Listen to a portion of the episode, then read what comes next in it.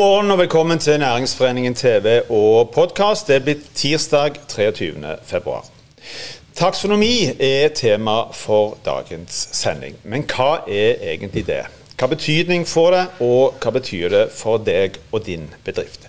Det er noen av spørsmålene vi skal forsøke å gi et svar på i dagens sending. Jone Stakkestad, velkommen til oss. Takk for det. Du er advokat, partner i advokatfirmaet Thommessen. Vi må nesten starte med, med For at det handler om EU.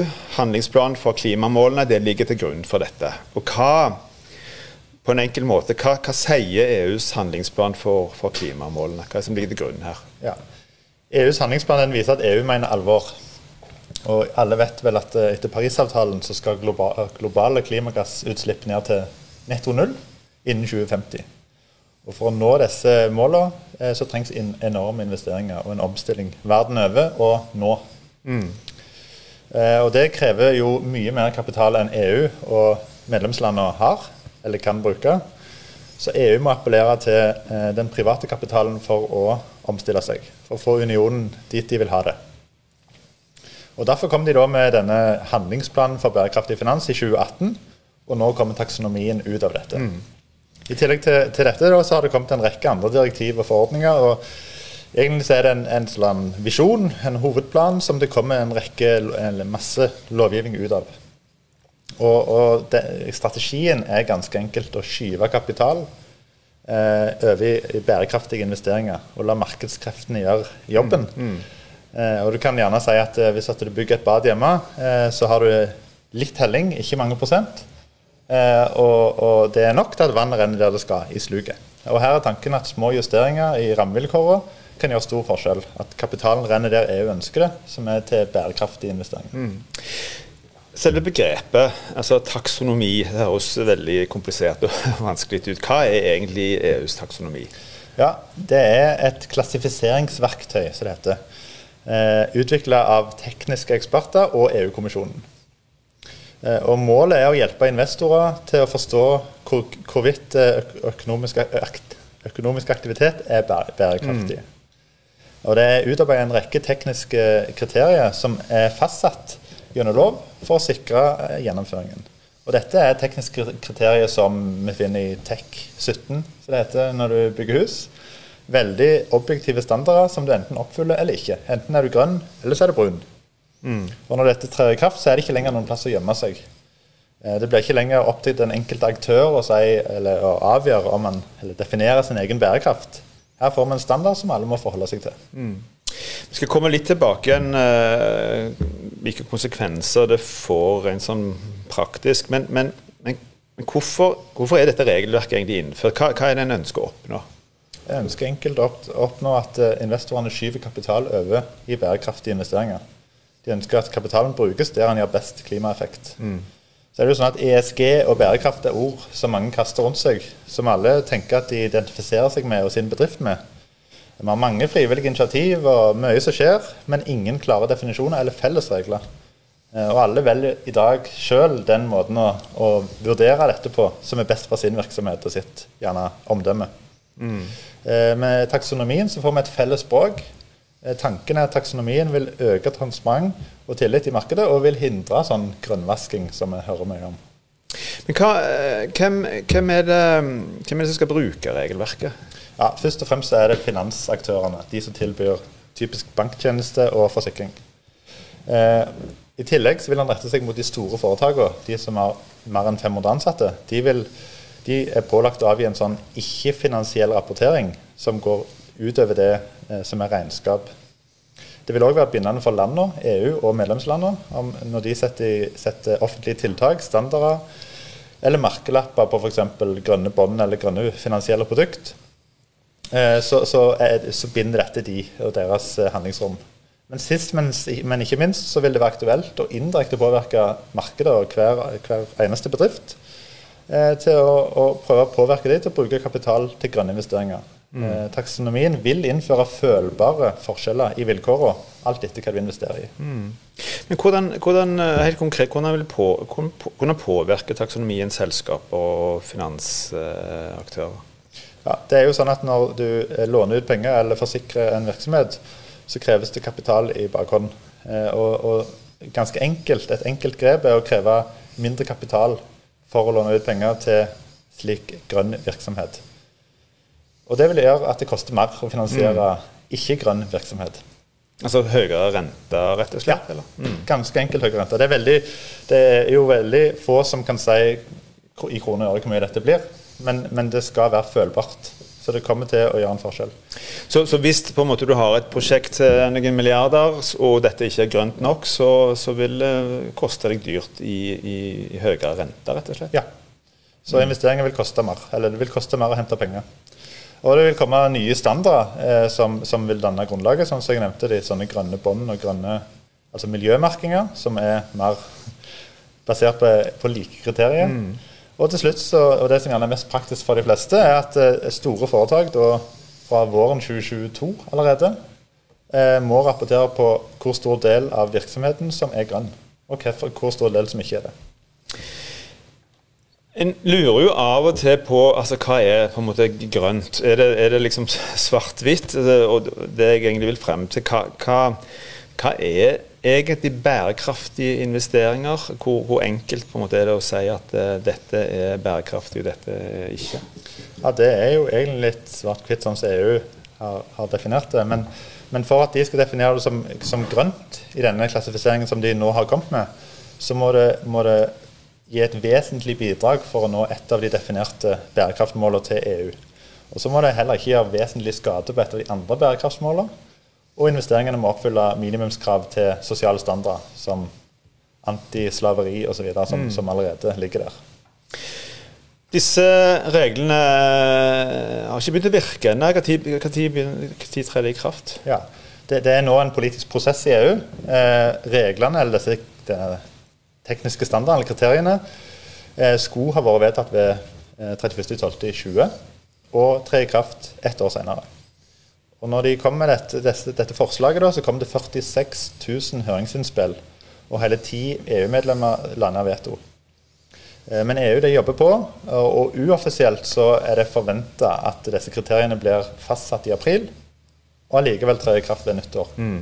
Allerede ved nyttår. Så om, om, knapt et år så skjer det. Da må vi være klar. Da, da gjelder dette. Her er det bare å begynne å forberede seg. Yes. Du, Hvem er det som omfattes av de nye reglene? Er det liksom alt, alt og alle? I første omgang så har, valgt, har EU da valgt ut ni sektorer som de definerer som, som verstinger, eller de, de, der det er mest å hente, kanskje. da.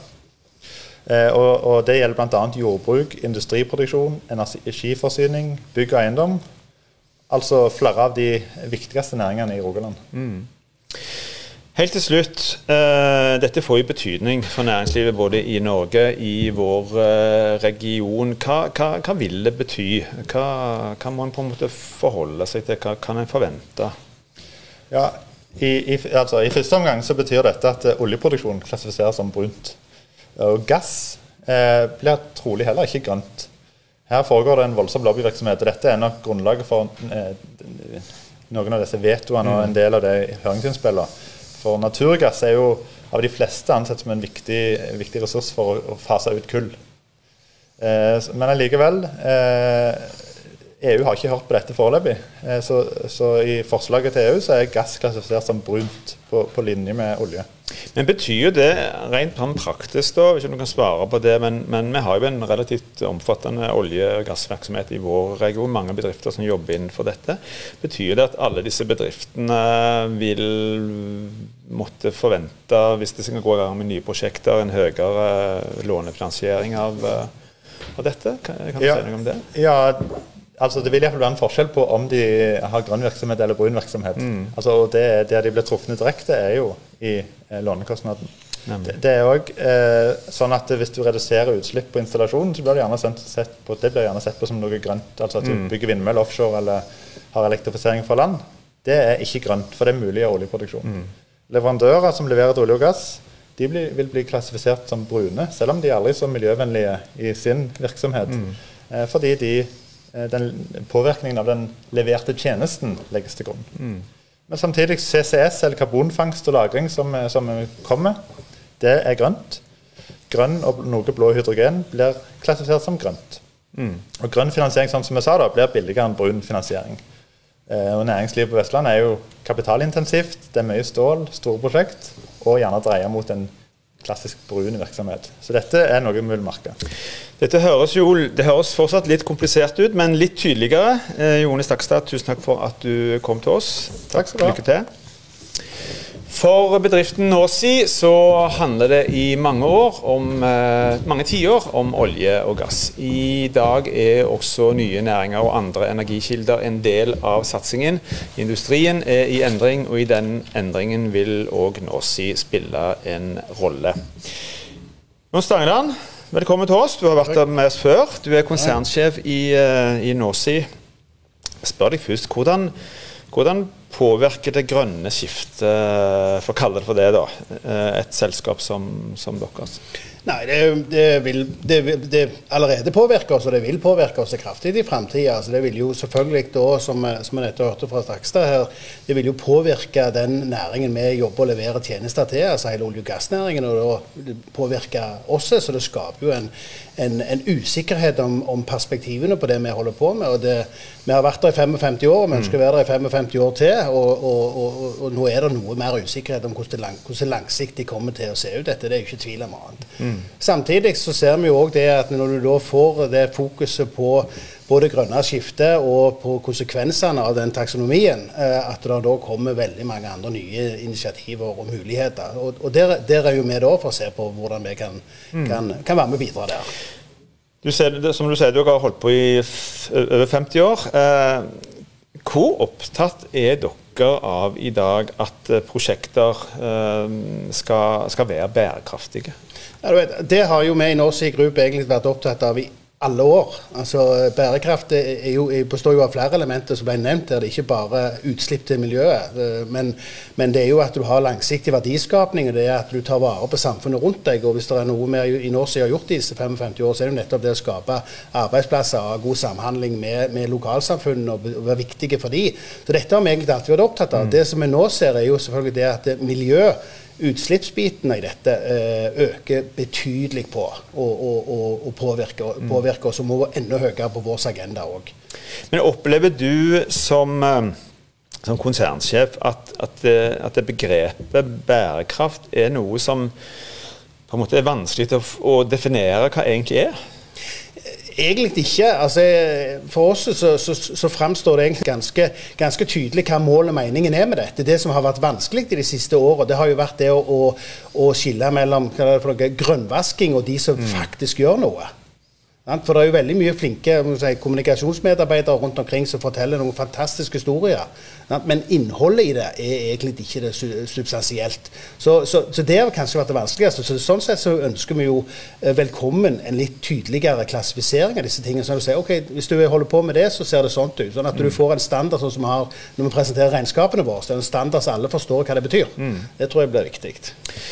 Dere har jo eh, de senere år valgt å gå inn i eh, prosjekter som, som kan karakteriseres som, som bærekraftige investeringer. Eh, si, litt, si litt mer om det. Altså, hva, hva, hva prosjekter er det dere eh, har satsa på, er inne i som Nei, altså, vi, vi, vi gjør jo en rekke ting. altså Både med eksisterende forretningsområder og ser på ta f.eks. Landstrøm, som har på alle våre baser, som er en del av biten eh, oppi dette her, som er mindre, eller mindre prosjekt innenfor eksisterende forretningsområder. Men så har vi òg sett på og begynt å utvikle oss eh, ganske godt nå i helt nye forretningsområder. Jeg skal, skal ta to eksempler på ting som, eh, som, eh, som vi er i gang med. Så Det ene er jo at vi er medeiere i det som heter CCB eh, Energiparken oppe på Kolsnes, med, med 50% i sammen Berner Larsen Holding, der som Northern Light-prosjektet kommer. Så vi solgte tomta til Northern Light-prosjektet, for å si det litt enkelt, og, og jobber med å utvikle en industripark rundt det. Det er det ene.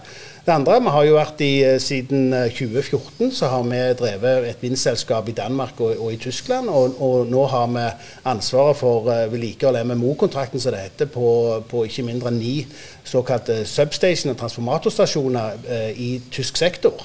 Eh, som tar imot strøm fra vindmøllene som står rundt omkring på, tysk, eh, på offshore i Tyskland. sant? Så vi er allerede konkret i gang med å bygge, bygge butikk og utvikle butikk i forhold til det grønne skiftet og, og, og, og, og bærekraftige industrier framover. Det er vi. Du nevner eh, ordet butikk. Eh, Hvor, store er forretningsmulighetene på dette området mener du, på, både på kort og på lang sikt? Nei, altså, vi tror jo det kommer, De neste tiåret tror vi at det kommer til å skje en, en enorm endring. Sant? Og endring det er både trussel og mulighet. Så jeg tror det er enorme forretningsmuligheter, men det er òg noen svære hull framme der som du kan snuble dette ned i hvis du gjør ting feil nå. Mm. Så Derfor er det veldig mange nå som prøver seg på veldig mye forskjellig, og noen kommer til å lykkes stort. Og andre kommer til å feile. Mm. Men vi må være med. Vi kan ikke sitte rolig og vente til liksom alt er utvikla, og så skal vi gå inn. Så derfor, Jeg tror det er kjempestore muligheter, men det er òg mye å passe på og mye å mm. lære i den prosessen. Du, litt tilbake til, til EUs eh, taksonomi. Eh, rett sånn konkret, du kjenner jo eh, til dette, hørt om det en stund. Eh, hvordan vil det påvirke disse kravene Hvordan vil det påvirke Norsi, tror du? Ja, det, det, har allerede påvirket oss. Eh, har vi, vi, vi, jo, eh, vi, driver jo med, med, basedrift og eiendom og infrastruktur inn mot olje- og gassnæring. Det er vår hovedvirksomhet har vært i alle, alle, år. Så vi har jo store investeringer i infrastruktur eh, og mye gjeld inn mot den infrastrukturen, selvfølgelig. Og det har vi allerede opplevd lenge, egentlig før de, kunne, før de kom opp med begrepet taksonomi. At banker, som har vært en, en god samarbeidspartner for oss i, i, i, tiår, plutselig ikke vil utvide kredittrammene til oss lenger. Fordi at eh, noen sentralt i den banken har sagt at nå skal vi tone ned det som går inn mot, mot olje og gass. Mm og, så skal, og, og, og, flytte de pengene over i fornybar f.eks. For mm. Og Det merker vi. Så vi har måttet rett og slett foreta refinansieringer i de siste årene nettopp som en konsekvens av disse tingene. her. Mm. Og Det andre er jo selvfølgelig da kostnaden vi har eh, med å finansiere det vi holder på med fram gjennom. For i, i, mange mange år, eh, tiår fram gjennom ennå, så er det jo olje og gass vi skal levere tjenester og gode, gode løsninger for og understøtte. Så vi er jo avhengig av at vi fremdeles får låne penger for finansiering til de mm. prosjektene og den aktiviteten vi har. Men Hvordan ser du på, på dette kravet som, som nå ser du, du var kjent med en stund, du har merka det allerede. Opplever du at det den type regelverk eh, og blir en, liksom, en, utfordring, eller er det bare en, det bare en mulighet? Nei, det, er klart det blir en utfordring for, for, for bedrifter som eksisterende. Altså, vi har jo investert f.eks. I, i eiendom og, og eier, eier 50-60 kaier langs norskekysten som i hovedsak da er tenkt å, å, å betjene olje- og gassindustrien. Og disse kaiene er jo eh, noe vi skal ha i 20-30-40 år til framover. Så det er klart at dette vil jo påvirke hvis det plutselig blir dyrere å finansiere og jobbe jobbe i den sektoren for oss. Mm. Dette vil påvirke oss. Samtidig som ble nevnt her med, med, med vannet som rant eh, raskest mot, den, mot sluken fordi det er helning nedover, det vil jo skape masse masse nye forretningsmuligheter. Mm. Og som jeg sier, altså, Da må vi være med, og, og det er jo det vi prøver på på, på Kolsnes f.eks. Vi prøver på nede i, i, Tyskland og Danmark inn mot vindsektoren, og, og ser på mulighetene her i, i Norge òg. Mm. Sånn at det, det vil være både òg. Så det blir en litt mer komplisert verden enn å bare vente på neste olje, store oljefunn og være med og støtte en utbygging og en drift av et, et oljefelt de neste 40 åra. Helt, helt, kort til slutt, Stangeland. Er det grunn til å frykte at dette regelverket vil kreve veldig mye sånn arbeid? Altså dokumentasjon, byråkrati, papirarbeid, kall det hva du vil? Ja, iallfall til vi får det inn i noenlunde kjente og kjære formål. på å si at vi får erfaring i dette, så vil det kreve mye mer av oss. Det vil det gjøre. Fordi at du skal komme opp med en dokumentasjon som du før ikke har vært så lett tilgjengelig, eller du, må bruke litt tid på det. Så, så jeg tror at òg kravene kravet som kommer fra våre kunder om, om, å dokumentere hva vi gjør på en utvetydig måte, blir viktigere og viktigere. Det kommer til å kreve sitt. Jon Stangland, der må vi stanse. Tusen takk for at du kom til oss. Bare minne om at 12. mars så ble det avholdt et eget kurs i regi av Næringsforeningen om taksonomi. Hvis det noe av dette var uklart, der vil du lære mye mer. Denne sendingen er slutt. Takk for at du så på oss. Vi er tilbake igjen i morgen samme tid. I mellomtiden, hold avstand, ta godt vare på hverandre.